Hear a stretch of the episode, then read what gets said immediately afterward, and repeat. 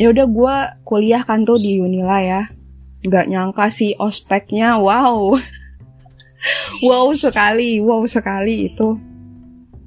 Benar-benar ospek yang tidak gue duga bener-bener ospek banget ya. Rasanya tuh kalau nggak ditempa kayak gitu tuh lo kurang banget hidup lo. Kayak nggak berwarna gitu. Dan gue senang banget sih itu jadi hal yang berkesan sekali untuk gue karena gue nggak dapetin itu di UI nanti gue bakal cerita. Jadi uh, gue bener-bener ditempa sama cutting gue separah itu kalau menurut gue. Tapi nggak separah tahun-tahun sebelumnya sih. Tapi itu menurut gue udah udah lumayan. Dan uh, solidaritasnya tuh tinggi banget kita kompak banget. Ya walaupun kita ada orangnya ratusan tapi tuh kompaknya kompak banget sih. Gue gue akui karena tempaan itu. Kemudian uh, berjalan seperti biasa ya matkulnya uh, di luar ekspektasi gue ya. Lo tau gak sih ketika ketika misalkan sebuah kotak alfa beta bla bla bla gitu kan tiba-tiba tuh kagak ada nomornya tiba-tiba ntar jawabannya akhirnya angka gitu itu padahal kayak kayak lambang biasa tapi tuh tiba-tiba jawaban tiba-tiba angka gue bingung. Terus kalau integral gue nggak masalah sih. Integral ya kita udah masuk kalkulus oke lah itu udah ada basic sebelumnya kan dari SMA yang permasalahan gue emang yang matematika kimia aja sih yang bagian yang begitu sama Fismod fisika modern tiba-tiba lo kena fisika modern yang udah apa lu bahas dibahas uh, apa? Heisenberg gitu. Terus apalagi? Wah banyak dah. Dan gue gue kagetnya gue dapet B. Sedangkan teman-teman sekelas gue dapetnya D. Dan yang dapat dapat nilai B itu nilai paling bagus di kelas gue B anyway uh, nilai B itu cuma eh, nggak uh, nyampe lima orang. Dan sekelas gue tuh 40 orang lebih. Lo bayangin sisanya tuh D. Dan gue merasa beruntung banget. Padahal tuh jawaban exactnya ya kalau setiap si guru Fismot eh si guru lagi si dosen Fismot itu uh, ngasih soal ya kita nggak tahu jawaban exactnya tuh apa nggak tahu. Udah kita ngerjainnya tuh oh iya kita tahu rumusnya ini. Udah apa pun hasilnya bodo amat kerjain aja. Bahkan pernah sekali nggak sekali berkali-kali bahkan gue ngisinya cuma diketahui. Ditanya. Gitu doang. Nggak gue jawab. Terus apa ya? Tapi emang mostly gue jawabnya uh, yang sepengetahuan gue aja ya udahlah apa pun yang terjadi ya udah itu pokoknya itu yang bisa gue kerjakan. Mungkin emang dari situ bapaknya ngeliat sih ya effort gue walaupun gue nggak ngerti. Bapaknya nggak pernah masuk. Beliau nggak pernah masuk. Bukan nggak pernah masuk tapi sebulan tuh sekali masuk aja itu udah alhamdulillah. Tiba-tiba masuk ngasih fotokopian set jebret besok eh minggu depan kita ujian ya lo lo nggak ada angin nggak ada hujan tiga minggu nggak masuk tiba-tiba di minggu terakhir masuk ngasih fotokopian minggu depan ujian. Menurut lo gimana? Terus uh, apa yang yang paling epicnya lagi adalah beliau ngerokok di dalam di dalam ruangan. Jadi beliau masuk set ya gitu. Set masuk. Terus udah langsung nggak ngidupin rokok. Bahkan bawa kopi pernah. Terus uh, ini nulis si pamat tulis udah tuh. Udah selesai. Di kita ngerangkum udah. Kelar pergi gitu beliaunya. Hah? Apa gitu. Gue sampai bingung. Ini apa maksudnya? Yang paling epic kedua adalah beliau ngejadwalin UTS sendiri. Sa sekitar dua minggu lebih awal dibanding jadwal UTS yang keluar dari UNIF. Ada abang-abang apa tuh? itu traffic yang paling gak bakal gue lupain tuh dari yang kimia itu adalah ospeknya, dosen fisika modern, kemudian ada lagi dosen ini apa Pancasila. Beliau negor gue, jadi gue udah pakai rok ya sebenarnya. Anyway gue gue gue di di kimia itu lebih agamis. gue secara penampilannya pun lebih terjaga. Gue nggak pernah pakai jeans. Eh pakai jeans deng yang nggak pernah pakai jeans itu pas di UI dan ya udah gue lebih sering pakai hijab yang panjang-panjang dan rok gamis juga gitu ya terus tuh entah kenapa entah dari mana si dosen ini ngomong kamu tuh pakai pakai rok tuh yang pantas gitu. Emangnya pantas kamu? Uh, dosennya tuh masih muda 27 tahunan gitu dari fakultas sebelah. Gue gue gue nggak ke bawah dong. Apa yang nggak pantas ya kira-kira? Gue sampai nanya ke hampir ke seluruh teman sekelas gue gue nanya rok gue kenapa ya? Nggak ada yang salah. Cuma rok tapi roknya jeans. Gue bingung ketat enggak ngatung enggak. Apa yang salah ya? Gue bingung. Ya udah gue nggak ngerti kenapa tuh dosennya. Dosennya cowok dosennya cowok. Uh, apalagi yang momen yang paling ini sama Rat sih. Rat mungkin itu paling berkesan banget karena gue emang nggak pernah ya mengalami hal yang kayak gitu. Uh, ngurus sidang-sidang segala macam gitu hampir semua sih ya berkesan. Kemudian lanjut ya ke UI itu kan setelah gue semester 2 gue di apa di bulan apa tuh gue lupa. Gue udah gak masuk udah memutuskan untuk cabut. Gue cabut gue gak ada tujuan sih sebenarnya ke UI juga. Gue cuma kepikiran oh iya gue pengen SBM lagi itu belum ada kepikiran gue kepikiran gue pengen ke UI belum. Sama sekali belum. Jadi eh sorry sorry. Jadi pas bulan April lah bulan April gue baru kepikiran oh iya gue mau ke UI akhir Maret deh akhir akhir Maret gue kepikiran mau ke UI ngambil sastra Cina. Berhubung emang itu pelajaran favorit gue setelah kimia jadi gue ambillah sastra Cina. I mean gue udah ada basic udah ada basicnya gitu. Jadi mm, nggak mm, terlalu bermasalah bagi gue. Gue pikir hanya oh iya bahasa Mandarin oh iya uh, pengetahuan tentang Cina sedikit-sedikit ya oke lah gitu. Ternyata pas di sana wah berbeda sekali. Uh, oke okay, gue daftar udah ujian tuh ya gue ujian ngambis bareng sama teman gue Rifda uh, itu gue thankful banget ya rasa grateful banget karena lagi-lagi gue tidak membeli buku apa pun. lagi-lagi gue nggak membeli buku apa pun untuk SBM.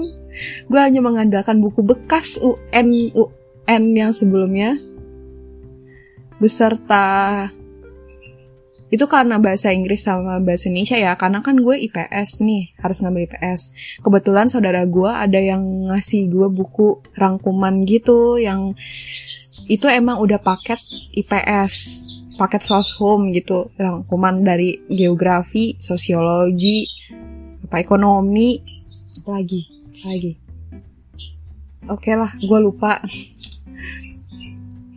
Uh, udah seperti itu gue belajar. Dan gue paling mantapnya di sosiologi. Gue udah gue ah udahlah ini. Udah udahlah ini. Dan gue malah bobroknya di geografi. Kan? Jadi gue mikirnya duh gimana nih ya? Ah udahlah gitu.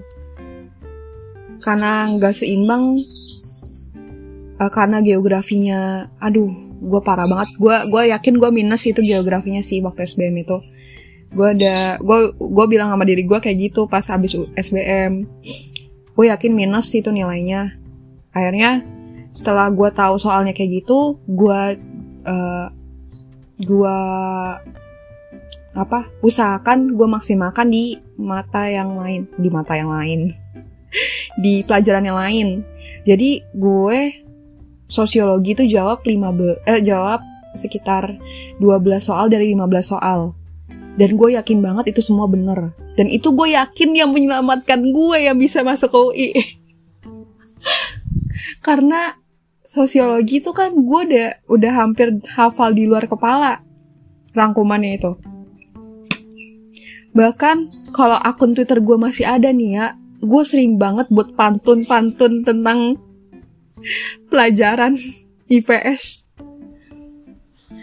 yang paling kocaknya adalah gue belajar geografi. Gue udah mati-matian belajar geografi. Itu baru ngambis ngambis ngambisnya tuh gue karena kagak ada partner yang ini yang banyak. Kayak sebelumnya pas SMA gue buat pantun. Batu konglom batu konglomerat? Batu apa? Gue lupa gitu. Terus gue gue udah ngafalin batu-batuan dong kan? Nggak keluar di SBM-nya terus gue gue mikir ya Allah kenapa? Gitu. Gue udah ngafalin gue seneng banget ngafalin batuan. Gue seneng banget ngafalin ini. Ternyata yang muncul adalah tentang peta-petaan yang skala-skala itu yang apa yang ngitung jarak apa sih tuh gue lupa. Dan gue nggak pakem di situ. Ya udah. SBM udah kelar masuk ke UI ya udah gue masuk nih ke UI ya. Udah gitu wow. Kenapa gue wow? Karena itu pertama kalinya gue ke UI gue pertama kali ke UI itu pas daftar ulang sama emak gue oh ini UI kayak gini UI oh ini yang kampus yang orang-orang pengen gue dengan sombongnya kayak gitu ngomong. Tapi itu bener-bener refleks dari orang dari kepolosan seorang Mediana. Karena uh, Mediana pengen nyari UI bahkan nggak tahu bentuk UI itu gimana gitu.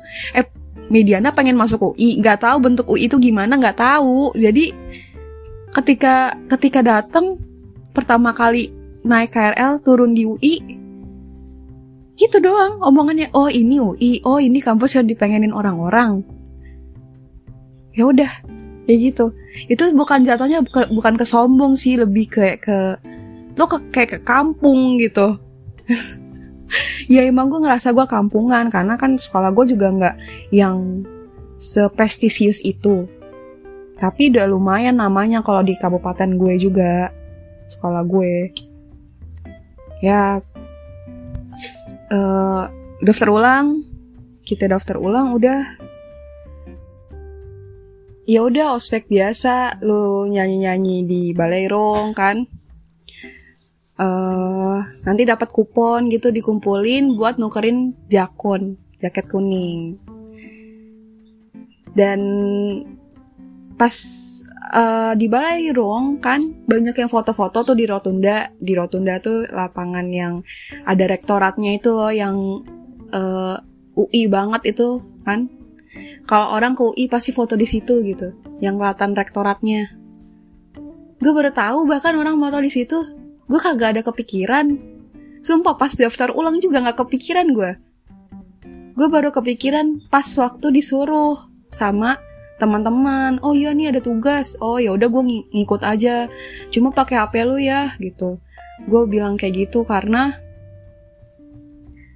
uh, eh, hp gue tab tab Samsung yang emang udah jadul banget dan resolusinya tuh nggak nggak yang cakep banget gitu. Jadi fotonya kan ya lu gimana sih? Lo pengen foto yang bagus minjem aja deh ke HP orang gitu nggak apa-apa kan ya numpang foto. Teman-teman juga yang lain uh, satu HP fotonya. Jadi kita semua teman-teman sesascin sastra Cina itu uh, foto di satu HP aja. Nggak yang itu langsung dikirim ke grup angkatan gitu. Ya udah gue baru tahu tuh foto di di apa di Rotunda itu se emang semenarik itu gitu untuk menggambarkan lo orang UI itu posisinya gue udah dapet jakun ya? Eh belum deh belum. Belum dapet belum dapet jakun. Um, kemudian udah selesai ospek kan? Ini yang paling yang paling mantap gue uh, gue kan jakun mesen, mesen yang XL ya karena badan gue gede banget. Gue waktu masuk UI aja 77 kilo. Ya sekarang sih badan gue masih gede sih. Cuma yang nggak segede dulu. 77 kilo berat badan gue masuk UI terus gue mau ngambil XL sebenarnya mau ngambil mah yang terserah ya. Mau ngambil yang apa ukuran apa. Gue nggak kepikiran tuh kalau gue bakal kurus. Jadi gue ngambil XL dan sekarang tuh akhirnya gede banget tuh uh, jakunnya kemudian gue udah seneng banget nih ngantri ya kan? Ngantri ngambil jakun. Wih gila gue udah udah ini banget nih udah dinobatkan banget nih jadi anak UI ini eh uh, awalnya iya senang lama-lama gue nungguin baru dapat setengah sebelas malam baru dapat gue. Buset Iya sih gitu. Ngantrinya emang emang iya sampai sefakultas sefakultas sefakultas iya fakultas ini fakultas itu anaknya emang segambreng. Cuma yang nggak yang gue sampai setengah sebelas malam juga kan gue bingung gitu. Gimana ini sistemnya? Kok bisa sampai setengah sebelas malam gue baru dapat untungnya gue ada temen tuh kan gue tinggal di asrama ya. Jadi gue balik PT-PT naik grab gitu asrama. Udah nggak ada bikun lagi bis kuning. Bikun kan terakhir jam hampir mau jam setengah eh hampir mau jam 9 malam ya. Ya jam 8.15 eh 8.45an jadi uh, eh, gue naik itu naik grab lah kan. Udah sih itu yang momen yang paling berkesan banget adalah ketika gue nyanyi di balai kemudian gue gue ngantri jakun sampai setengah sebelas malam. Terus apa ya kalau ospek sih jujur gue ospeknya karena gue udah dapat sebelumnya yang di kimia gue ngerasa ospek yang di Cina di sastra Cina oh ya begini aja udah gitu sebenarnya mereka lebih lebih meriah kalau gue bilang. Lebih yang welcoming banget. Tapi gue ngerasa ah iya udah ah itu cuma gertakan doang gertakan ini doang gitu. Nggak yang bener-bener kayak di kimia tuh gue digertak ya gue abis-abisan gini maki gitu.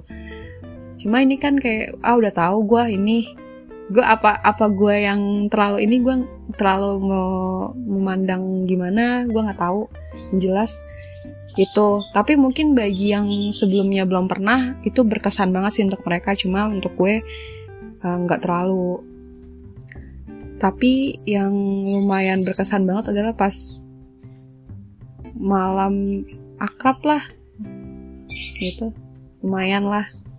Lumayan untuk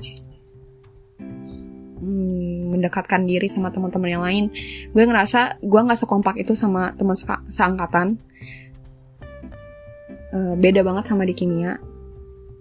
Ya ini kalau di sebenarnya gue nggak mau membandingkan cuma ini karena berdasarkan pengalaman gue aja dari sebelumnya dan sebelumnya emang mereka punya porsi masing-masing dan mereka juga punya kebijakan masing-masing. Dan gue sebenarnya nggak patut untuk membandingkannya cuma untuk gue personal itu uh, sesuatu hal yang pengen aja gitu gue gambarin. Oh iya di sini kayak gini. Bukan berarti di sasjen itu jelek ya ospeknya tapi mungkin bagi orang lain tuh itu berkesan. Cuma untuk gue itu nggak terlalu begitu berkesan karena sebelumnya gue sudah dapat yang berkesan banget di kimia gitu.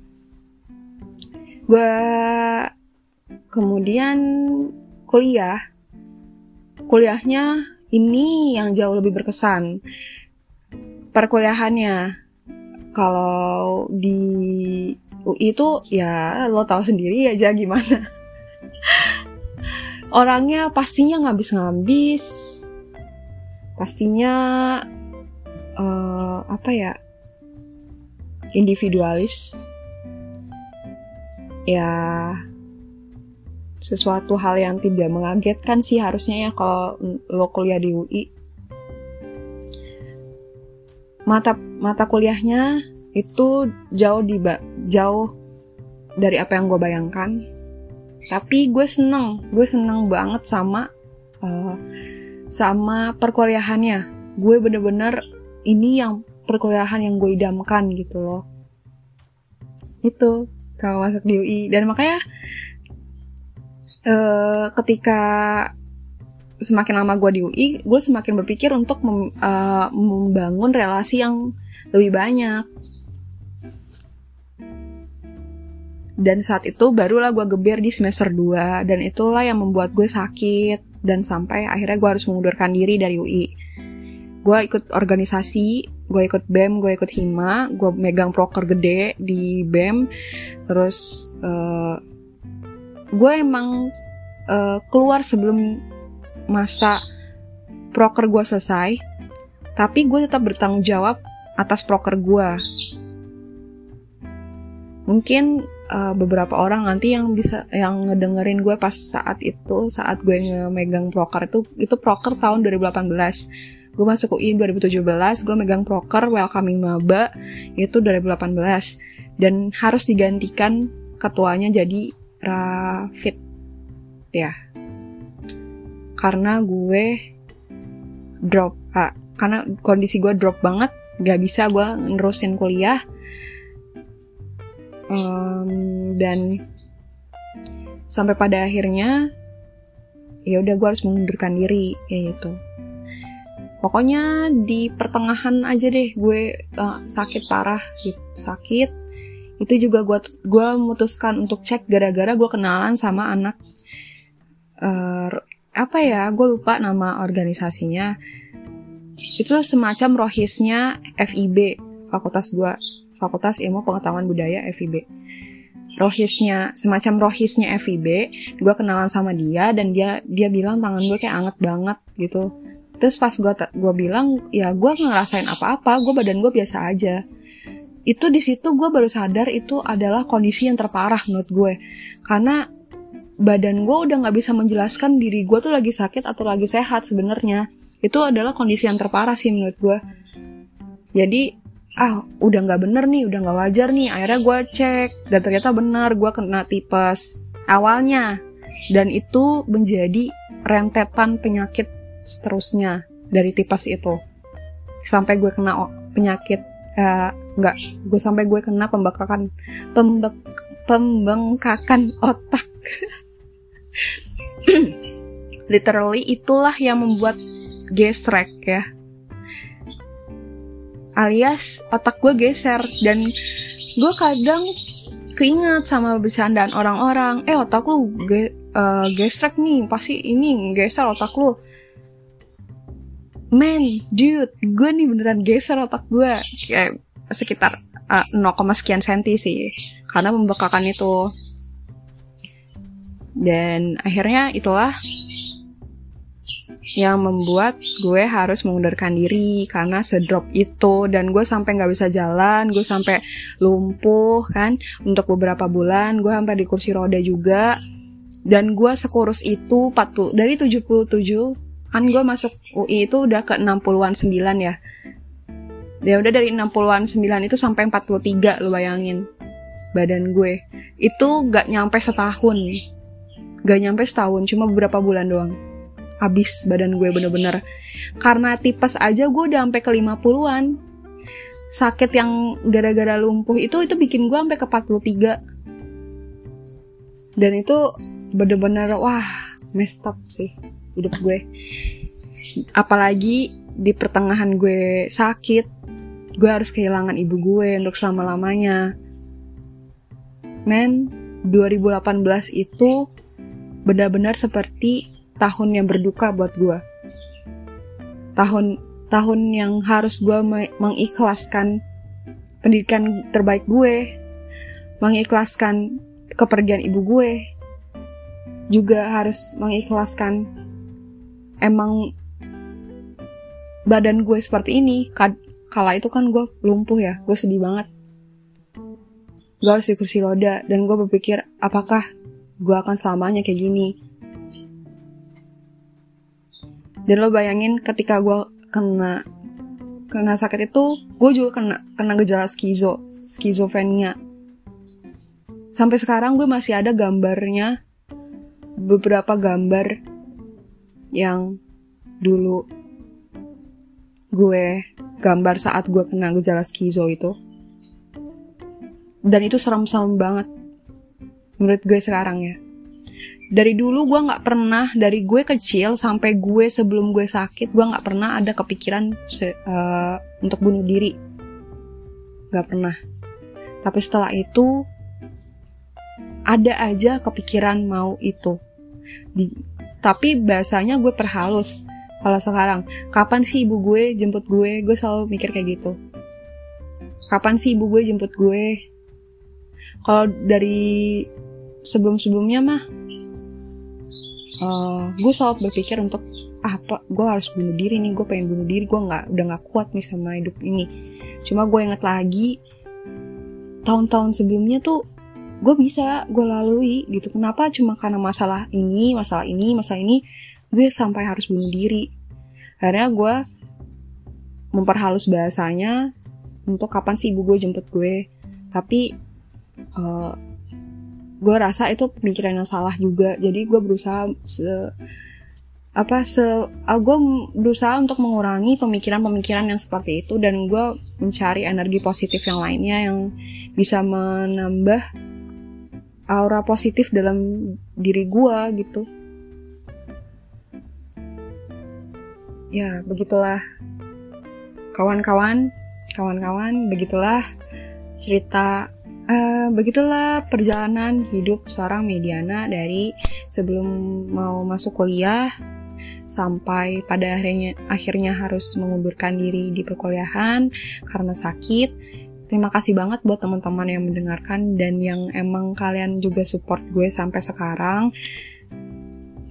Serius, uh, mungkin ini bakal gue jadiin sesi tersendiri ya yang masalah gue sakit. Mungkin dari kalian juga ada yang udah baca di Quora cuma tuh masih belum paham gitu anyway nanti uh, eh, gue juga akan drop link Quora gue karena di situ emang udah sa sama detailnya sama penjelasan gue yang ini cuma di situ ada beberapa yang nggak bisa gue jabarkan seperti chattingan sama emak gue itu ada di situ di Quora yang menunjukkan gejala skizo gue.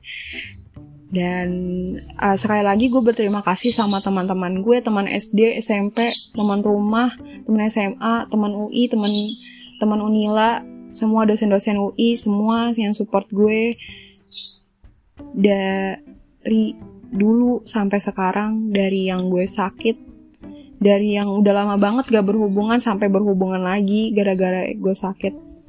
Mohon maaf banget bukan maksud hati gue untuk buat kalian nangis ketika kalian ngat gue datang datang ke rumah gue terus kalian tiba-tiba nangis bukan itu maksud gue. Tapi gue berharap ketika kalian datang menemui gue kalau gue sakit itu gue berharap kalian bersyukur sama kehidupan kalian. Gue nggak nggak ingin dikasihani sebenarnya. Makanya itulah tujuan gue. Kenapa gue gak pernah mau mau kasih tahu kenapa gue sakit kenapa gue apa. Gue bener-bener jadi nolep anyway gue gue sama sekali putus kontak sama teman-teman gue setelah gue selesai tugas di bem. I mean gue bener-bener putus kontak banget sama siapa pun dan yang support gue hanya sisa-sisa penghabisan aja seperti Rifda, seperti Ilham.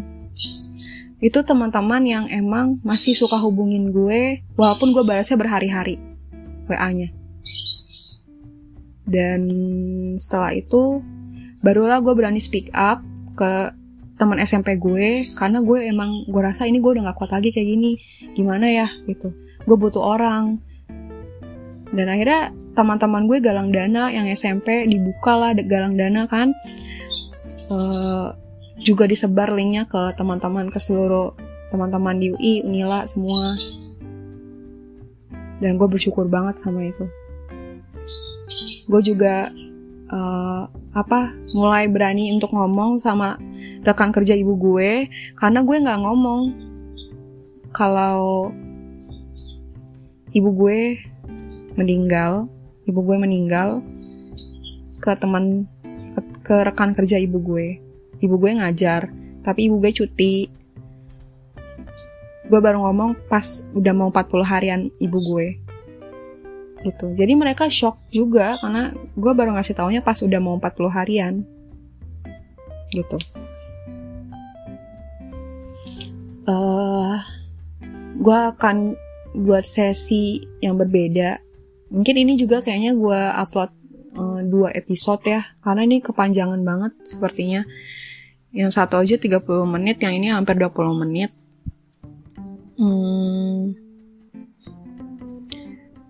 gue akan buat sesi sendiri di saat gue sakit gue bakal ceritain juga yang apa? Posisi gue ketika gue udah hampir banget di, di seperti ajal gue tuh udah deket banget gitu saat itu. Bahkan ayah gue sampai udah ngomong innalillahi wa inna ilaihi rojiun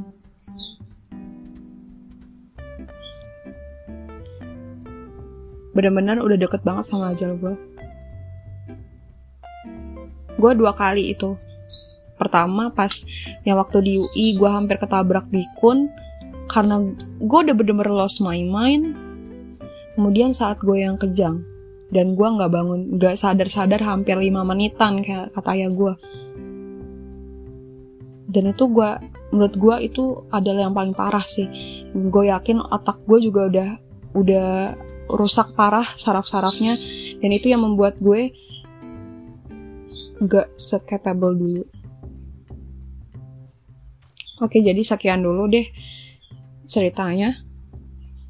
Gue bakal lanjut lagi kalau gue ingat dan kalau gue mau untuk sesi yang sakit versi versi yang sakit aja. Sekian. Bye.